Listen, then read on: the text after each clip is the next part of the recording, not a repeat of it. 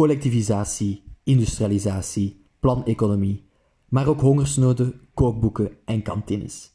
Begrippen die stevast opkomen in de gedachten van vele mensen wanneer men spreekt over de eetcultuur in communistische landen. In 1917 maakte de Russische revolutie definitief een einde aan het Russische keizerrijk. Geleidelijk aan werden de Sovjet-Unie en het daarbij horende communistische systeem geboren. De economische en sociale situatie van Rusland en de omliggende gebieden veranderde hierdoor fundamenteel. Die revolutie leidde immers tot de implementatie van een ander economisch en politiek systeem, wat een grote impact had op de eetcultuur in de Sovjet-Unie. Na de Tweede Wereldoorlog werden nog verschillende andere Oost-Europese landen communistische volksrepublieken die een gelijkaardige eetcultuur overnamen. In deze podcast zullen wij, Ellen van Laar en Robbe Verbrugge, de eetcultuur in die Oost-Europese volksrepublieken schetsen. Eten is immers een onderwerp dat de laatste jaren steeds meer in de historiografie aan belang wint. Voedsel zegt immers veel over de leefwereld van doodnormale burgers, van u en ik. Bovendien hadden veranderingen in voedselpatronen vaak een grotere impact op de doorsneebevolking dan bekende politieke gebeurtenissen, zoals bijvoorbeeld de val van het West-Romeinse Rijk. Er gaan zelfs stemmen op om de wereldgeschiedenis in te delen volgens voedsel en dus niet volgens politieke voorvallen. Voedsel en eetcultuur in het algemeen vallen dus zeker niet in waarde te onderschatten. Beginnen doet deze podcast met een korte schets van de economie en ideologie van de volksrepublieken. Dit is noodzakelijk om te begrijpen hoe die communistische eetcultuur nu precies vorm kreeg. Daarna bespreken we de voedselcultuur meer in detail aan de hand van enkele specifieke thema's, zoals hongersnoden en voedseltekorten, rationeringen, de aanwezigheid van weinig variëteiten en kantines in de Sovjet-Unie en andere Oost-Europese volksrepublieken. Dit doen we in samenwerking met Albena Skodrova, die dieper in zal gaan op de rol van de vrouwen en kookboeken in die eetcultuur, maar ook op welke voedseltekorten er precies waren. Skodrova is gespecialiseerd in de voedsel- en eetcultuur van Oost-Europa en was tussen 2008 en 2015 zelfs hoofdredactrice van Bulgaria's Bacchus magazine, een bekend tijdschrift gewijd aan de eet- en wijncultuur. Verder heeft ze ook invloedrijke publicaties op haar naam staan, zoals de publicatie genaamd Communist Gourmet: The Curious Story of Food in People's Republic of Bulgaria. Sinds 2015 is Kodrova als doctoraatsbursaal verbonden aan de KU Leuven en de VUB binnen de onderzoeksgroep Food History and Culture. De expert bij uitstek dus om wat duiding te geven bij dit topic. Laat ons nu echter van start gaan. Na de Russische revolutie van 1917 ontstond in 1922 officieel de Sovjet-Unie, met aan de leiding Vladimir Lenin. Het was een eenpartijstaat, geregeerd door de Communistische Partij. Deze staat was gestoeld op de ideologie van het communisme. Het essentieel idee van die ideologie is dat iedereen in een samenleving gelijk is en dat de macht bij het proletariaat of de arbeiders hoort te liggen. In de praktijk kwam die macht in de communistische volksrepublieken echter steeds bij het Centraal Comité, wat een soort van regering is, en bij een sterke leider te liggen. Gewone burgers hadden dus niks in de pap te brokken, aangezien de macht sterk gecentraliseerd was. Verder is de ideologie ook gekant tegen kapitalisme en vrij ondernemerschap, omdat dit zou leiden tot de uitbuiting van de bevolking en de zelfverrijking van de bourgeoisie. Het communisme biedt overigens ook een alternatief economisch systeem aan, namelijk dat van de planeconomie, waarin concepten zoals industrialisatie en collectivisatie centraal staan. In het interbellum, de periode tussen de Eerste en de Tweede Wereldoorlog, begon dat economisch systeem echt vorm te krijgen in de Sovjet-Unie. In de andere Oost-Europese volksrepublieken, zoals Polen, gebeurde dit echter pas na Wereldoorlog II, aangezien de landen dan pas in de invloedssfeer van Stalin terechtkwamen. De overgang van een kapitalistisch naar communistisch economisch systeem was echter niet zo eenvoudig. Het vereiste een totaal andere organisatie van de economie. De communistische regeringen stelden verschillende plannen op, zoals de drie vijfjarenplannen van Stalin, waarbij in een bepaalde tijd een aantal doelen gehaald moesten worden, op vlak van economische hervorming. Meestal hadden die plannen betrekking op de collectivisatie van de landbouw en de industrialisatie van het land. De creatie van een zware industriële basis vormde dan ook vaak een hoofddoel in die plannen. Daarnaast werd voedsel vanaf dan gereguleerd door de staat. Zowel de distributie als de prijsstijgingen en de productie van voedsel nam de staat voor haar rekening. In de Sovjet-Unie bleken de plannen echter succesvol en op korte tijd veranderde het economisch systeem drastisch. De landbouw werd bijvoorbeeld op korte tijd gecollectiviseerd doordat boeren gedwongen werden hun land af te staan. Boeren die er tegen in opstand kwamen, werden genadeloos vervolgd en naar werkkampen gestuurd. Concreet werden de gronden bij elkaar gevoegd en behoorden deze nu tot één boerderij. Er vond dus een schaalvergroting en nationalisering van de boerderijen plaats, die leidde tot grote boerderijen die kolgozen heten. De landbouwproducten die deze kolgozen produceerden, werden verwerkt in staatsbedrijven, die dan weer sofgozen werden genoemd. Het was nu ook aan de staat om die geproduceerde goederen aan de bevolking uit te delen. Andere Oost-Europese volksrepublieken pasten jaren later dezelfde strategie toe. Polen was hierin echter een uitzondering. Hoewel het land aanvankelijk begon met de collectivisatie van de landbouw, werd het in de jaren 50 al afgebouwd. Zo'n onderneming ging immers normaal redelijk traag en was een moeizaam proces omdat zoveel grond moest afgenomen worden, wat regelmatig op verzet stootte natuurlijk. Andere Oost-Europese landen, zoals Bulgarije, Roemenië en Tsjechië, verwezenlijkten die collectivisatie echter wel. De collectivisatie van de landbouw leidde tot een vermindering van het aantal boeren op het platteland en een sterke verstedelijking, waardoor er in vele communistische regimes zich al snel voedselproblemen stelden. Daarnaast waren er voor de industrialisatie ook grote investeringen nodig, waardoor er weinig aandacht uitging naar de bevolking die bij de transitie uh, naar het andere economische systeem vaak in erbarmelijke omstandigheden leefde. Dat proces leidde regelmatig tot hongersnoden, waarbij Holodomor, de hongersnood in Oekraïne van 1932 tot 1933, een voorbeeld van is.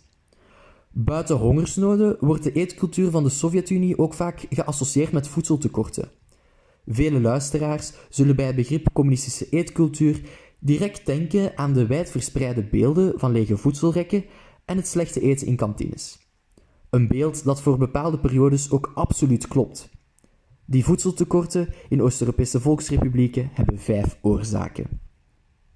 In eerste instantie ontstonden deze door de inconsistente welvaartsdroom die vervat zit in de communistische ideologie. Die ideologie focust immers vooral op zware industrialisatie, maar niet op de voedselproductie, terwijl echte welvaart wel een bloei van die twee factoren veronderstelt. Ten tweede veranderden doorheen de tijd de plannen om voedsel te organiseren voortdurend. Zo stapte, zoals eerder gezegd, Polen na een paar jaar al af van de collectivisatie van de landbouw. Ook werd in de Volksrepubliek vaak op het ene moment privaat initiatief om voedsel te produceren aangemoedigd en het volgende moment niet meer, wat tot een afwisselende beschikbaarheid van bepaalde producten leidde. Daarnaast was het land afhankelijk van de interne productie en werd er zelden dus voedsel van het buitenland ingevoerd.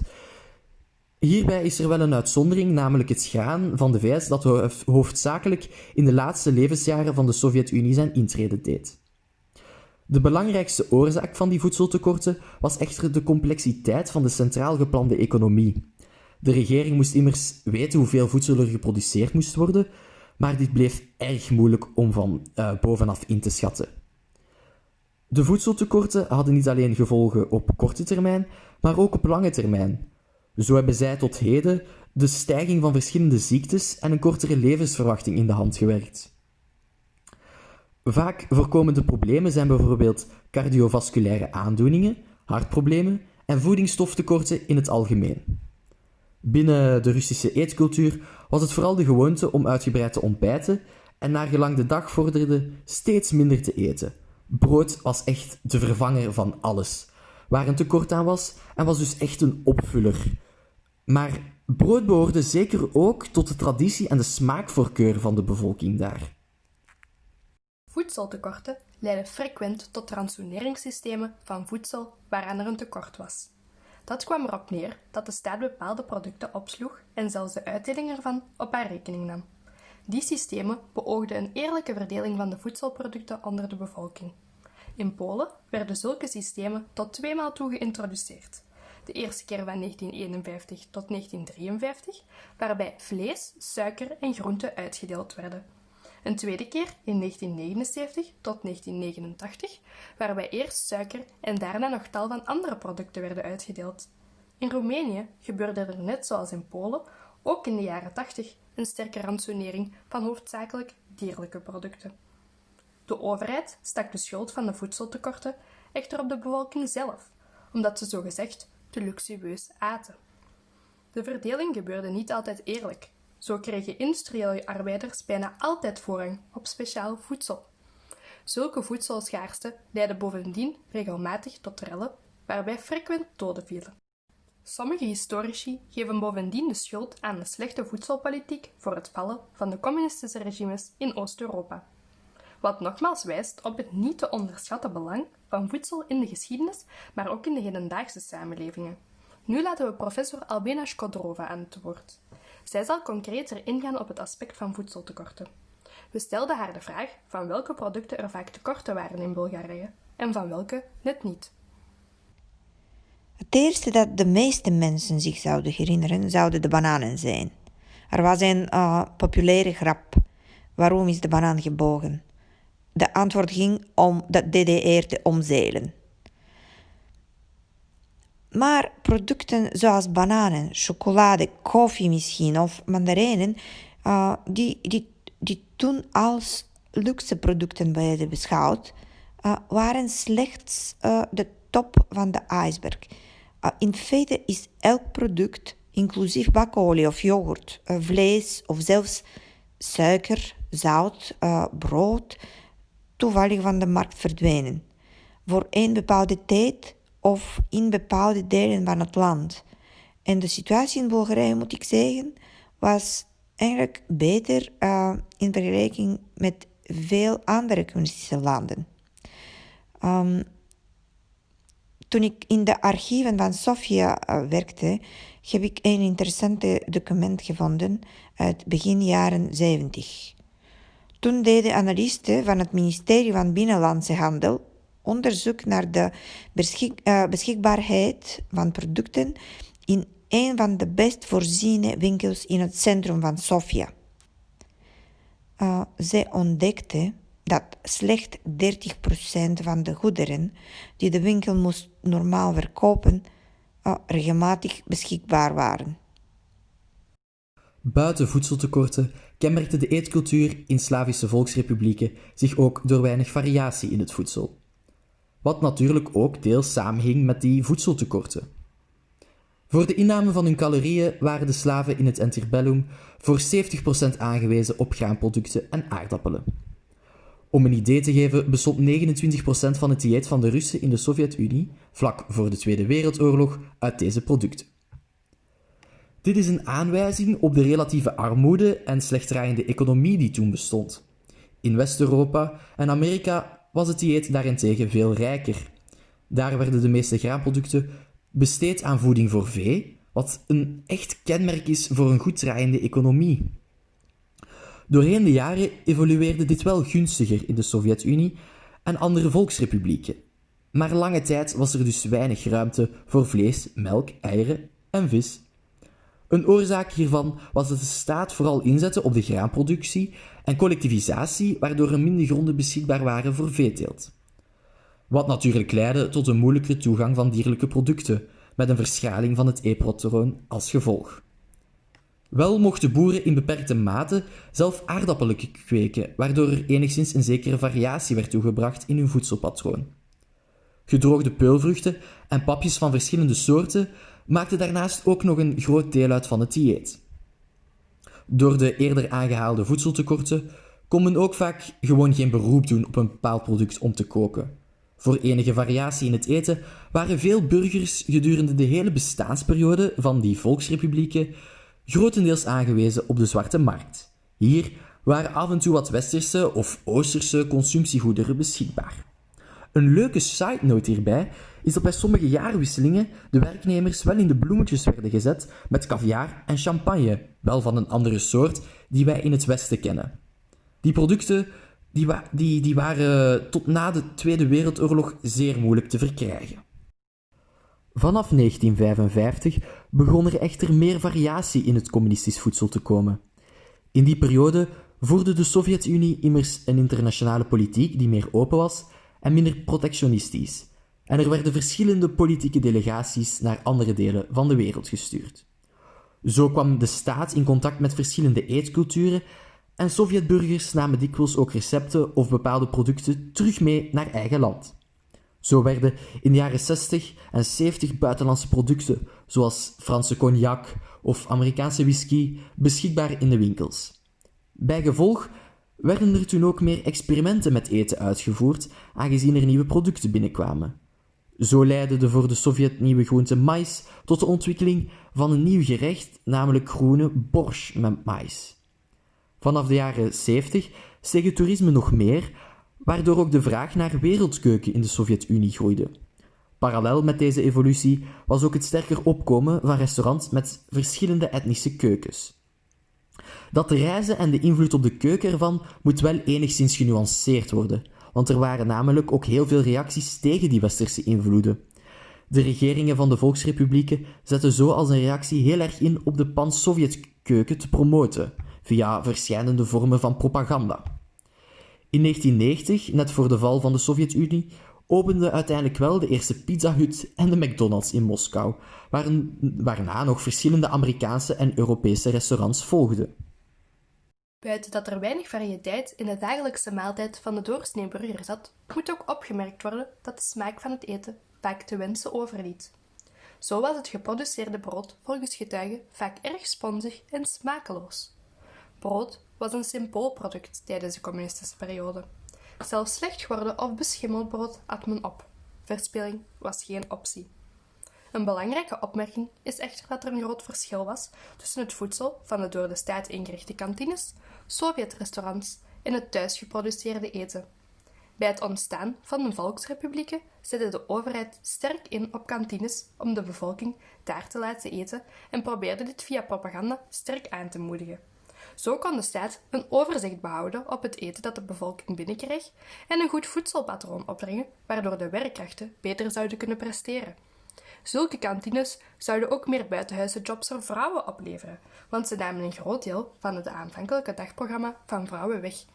Het eten was dus gepland.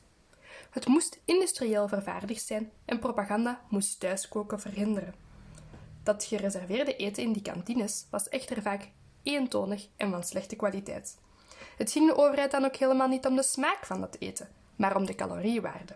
Zolang deze hoog genoeg was, zou de bevolking goed kunnen werken en de staat kunnen uitbouwen. Smaak was dus bijzaak. Het eetgebeuren in die kantines was meestal niet echt een warme ervaring. De bediening in die eetkantines staat namelijk nog altijd bekend als slecht en kil. De tijdstuur om in zo'n kantine te eten was vaak ook beperkt tot 10 of 15 minuten, waarna er verder gewerkt moest worden.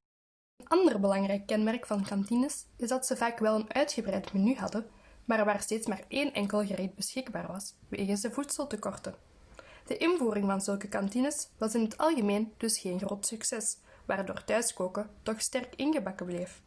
Toen de staat deze mislukking doorhad, probeerde ze ook vat te krijgen op de eetcultuur binnenshuis, aan de hand van bijvoorbeeld thuislevering en kookboeken. Binnen dit concept merk je duidelijk de ideologische invulling van die kantines, die mede de focus op industrialisering, efficiëntie en planning wou verwezenlijken. Het echte uiteten of dineren als ontspanningsactiviteit was in de Sovjet-Unie onbestaande tot 1935, toen Stalin het recht op een welvarend leven verleende. Lekker eten werd aanvankelijk geassocieerd met de onderdrukkers van het vorige regime. Uit eten bleef ook na 1935 gereserveerd voor speciale personen of momenten. Een opvallend element binnen de Sovjet-restaurants was het sterk schommelende karakter van servies, dat door de prijsklasse werd bepaald en de sterke mannelijke aanwezigheid in de keukens. De professionele keuken was namelijk vooral het domein van mannen. In kokscholen heerste er namelijk een Sovjetmodel van standaardisatie en kregen leerlingen instructies van oudere generatie die nooit variëteit, keuze of een vrije economische markt hadden gekend. Uit reisverslagen van verschillende Amerikanen in Rusland bleek echter wel dat het eten dat thuis gemaakt werd beter smaakte. Mensen die thuis kookten, hoewel dat ontmoedigd werd, konden bijvoorbeeld via informele netwerken aan specialere producten komen of vervaardigden binnen de mate van het mogelijke verse producten. In hun eigen tuintjes hadden ze ook toegang tot verse producten, waardoor de maaltijden thuis al stukken beter smaakten dan die van de kantines. Toch was het thuiskoken niet zo vanzelfsprekend. Er werd immers op neergekeken door de overheid, maar ook technisch was het koken minder eenvoudig dan in het Westen. Mensen leefden in die periode namelijk in kleine appartementen en moesten vaak hun kleine keuken delen met verschillende andere huishoudens. Ook waren er lange tijd geen elektrische keukenapparaten en weinig andere middelen, waardoor het bereiden van een maaltijd al snel meerdere uren in beslag nam. Zelf koken was dus een zeer tijdsintensieve praktijk. Daarbovenop kwam dan ook nog eens de dagdagelijkse verplichte arbeid. Een aspect dat bovendien niet vergeten mag worden, is de rol van de vrouw binnen de communistische eetcultuur. Zoals eerder aangehaald, was de man het centrale figuur in de officiële keuken. De ideologie van de staat dicteerde wel dat de vrouw een evenwaardige werkkracht was als een man en dus ook moest werken in de industrie. Ze moest zich dus niet bezighouden met het huishouden. Vooral in rurale gebieden merkt men dat deze ideologie en logica niet snel doorcijpelt en de vrouw zich toch het grootste deel van haar dag bezighoudt met koken, pekelen en bewaren en verzamelen van voedsel. Ondanks dat ze evenveel moest werken als mannen, kwam de last dus nog steeds op haar schouders te liggen. De ideologie zijpelde dus niet volledig door tot in de huiselijke sfeer, maar bleef vooral aanwezig in de publieke sfeer. Albina Skodrova bespreekt meer in detail wat nu precies de positie van de vrouw was in die volksrepublieken in relatie tot de eetcultuur. De communistische volksrepublieken wilden de rol van vrouwen in de samenleving fundamenteel hervormen. De ideologie was bedoeld om een volledig egalitaire samenleving op te bouwen, waarin vrouwen werden bevrijd van slavernij in het huishouden, en die zijn de woorden van, van Lenin, en kunnen werken als mannen. Maar ja, de ideeën waren één ding en de werkelijkheid iets anders. Um, ten eerste was er één verschil tussen de oorspronkelijke communistische ideeën en hun interpretaties door diegenen die ze moesten toepassen. En ik heb het niet alleen over de hoogste leiding, maar ook over al deze kleine activisten die zich bezighielden met de communistische ideeën in praktijk te brengen. Clara Zetkin, een, een van de belangrijkste ideologen van de communistische feministische hervormingen, die, die bedacht haar ideeën in Zurich en Parijs. Maar die waren toegepast uh, in de context van patriarchale en vaak ongeschoolde samenlevingen, uh, ook diep in het platteland van de communistische landen. Um, als resultaat gaven de communistische landen prioriteit aan sommige elementen van de feministische agenda boven andere. En de topprioriteit was om vrouwen te laten toetreden tot de beroepsbevolking van de communistische staat. Het hervorming van de vrouwelijke positie in het gezin werd pas belangrijk um, toen alle vrouwen van actieve leeftijd um, aan het werk waren. Pas, pas toen eigenlijk dacht de leiding eraan om de last van de vrouwen thuis te verlichten, uh, zodat ze langer en efficiënter voor de staat kan werken. Uh, maar zelfs toen werd de vermindering van die last, de last uh, thuis, niet gezocht in een andere verdeling van huistakken. Mannen eigenlijk werden nooit door, deze vermo, ver, vervormingen, hervormingen sorry, uh, geraakt. Mm, en de leiders en strategiemakers dachten aan andere vormen van ondersteuning voor de vrouw. Bijvoorbeeld het uh, versterken van kantine en industriële voedsel, industrieel voedsel. Of het ontwikkelen van kinderopvang. En dit alles wil zeggen dat de vrouw de hele periode de enige thuiskook bleef. In 1939 werd het eerste Sovjetkookboek, Book of Delicious and Healthy Food genaamd, gepubliceerd. Net zoals de latere kookboeken was dit een symbool voor de communistische utopie. Dit was namelijk de eerste poging van de staat om een Sovjetcultuur te creëren op culinair vlak. In praktijk was dit een ver van de gewone man hun bedshow. Kookboeken waren dus belangrijke politieke wapens van de staat, aangezien zij de enige actor waren die deze eigenlijk mochten publiceren, en die kookboeken veranderden eigenlijk ook drastisch doorheen de tijd. Net zoals in de andere levenssferen probeerde de staat de bevolking op een bepaalde uh, manier een, een levenswijze op te leggen aan de hand van het uitdragen van de communistische doctrine. Recepten die, die te cosmopolitisch waren, werden bijvoorbeeld geschrapt. En de inhoud van deze kookboeken waren ook sterk afhankelijk van de beschikbaarheid van bepaalde producten. Kookboeken probeerden dus eetpatronen te veranderen door voedseltekorten van bepaalde producten bijvoorbeeld weg te werken, door deze niet te promoten. Albena Shkodrova bespreekt hier kort de rol van kookboeken in de volksrepublieken. Kookboeken zijn bij historici goed bekend als documenten vol ideologieën. En uh, deze ideologieën worden natuurlijk niet altijd uh, breed in de samenleving gepresenteerd. Het zouden de ideologieën van de auteur kunnen zijn of uh, zijn, in zijn kringen. Maar in communistische staten, evenals in andere on, onderdrukkende regimes, zoals bijvoorbeeld de nazi, mm, werden kookboeken gebruikt als een instrument voor de staat om zich met het dagelijkse leven van zijn burgers te bemoeien, om het proberen te reguleren. Communistische kookboeken zijn doordrenkt van de communistische aller, alledaagse ideologieën en, en realiteit. Um, daarin eigenlijk valt alles te lezen.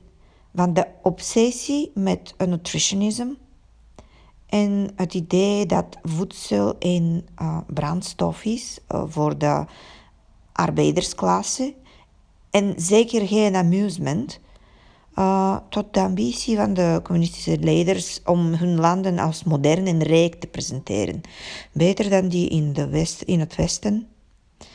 Um, vaak uh, door de, natuurlijk door de werkelijkheid uh, volledig te negeren. Um, ondanks, ondanks het uitgeven van boeken tijdens het communisme uitsluitend door de staat werd gedaan en op dit manier aan censuur was onderworpen, waren de kookboeken natuurlijk niet helemaal uniform uh, in uh, hun verhandelingen. Uh, ook waren laat-communistische kookboeken anders dan, de dan diegenen die in de, in, de, um, in de jaren na de Tweede Wereldoorlog werden gepubliceerd. Als één voorbeeld waren alle verwijzingen naar uh, westerse keukens uh, uit de Bulgaarse kookboeken na de Tweede Wereldoorlog verwijderd. Maar die kwamen eind jaren 50 terug. Um, ook aan het eind van de jaren 80 uh, trok de nutritionisme zich terug en uh, werden de smaak, de smaak en het plezier uh, van eten weer legitiem.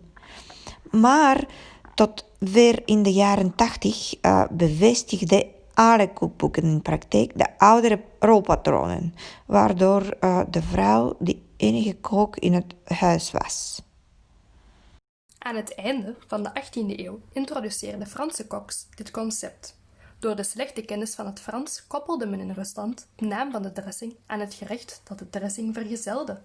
De Russische term verwijst dus voornamelijk naar de methode, namelijk fijngehakte ingrediënten met dressing in plaats van naar een specifiek recept. Tijdens de Sovjetperiode werd het gerecht nog meer vereenvoudigd. Vlees werd bijna volledig geëlimineerd, waardoor alleen zuurkool, bieten en augurken overbleven. De ingewikkelde Franse dressing werd vervangen door zonnebloemolie. In het algemeen waren maaltijden met hele stukken vlees eerder schaars in Sovjet-kookboeken en in het dagelijkse leven zelf. Maaltijden die vlees bevatten, bestonden vaak uit arbeidsintensieve creaties van verschillende soorten gehakt. Het was namelijk veel makkelijker te verkrijgen en hoefde niet van hoge kwaliteit te zijn door de lange kooktijden en toegevoegde ingrediënten. Individueel verpakte ijsjes vonden ingang in de Sovjet-Unie in de late jaren 30. In 1935 ontstonden de Eskimo-ijsjes en in de jaren nadien opnieuw nieuwe uitvindingen zoals ijswafels enzovoort. De katalysator in het proces was de minister Anastas Mikoyan.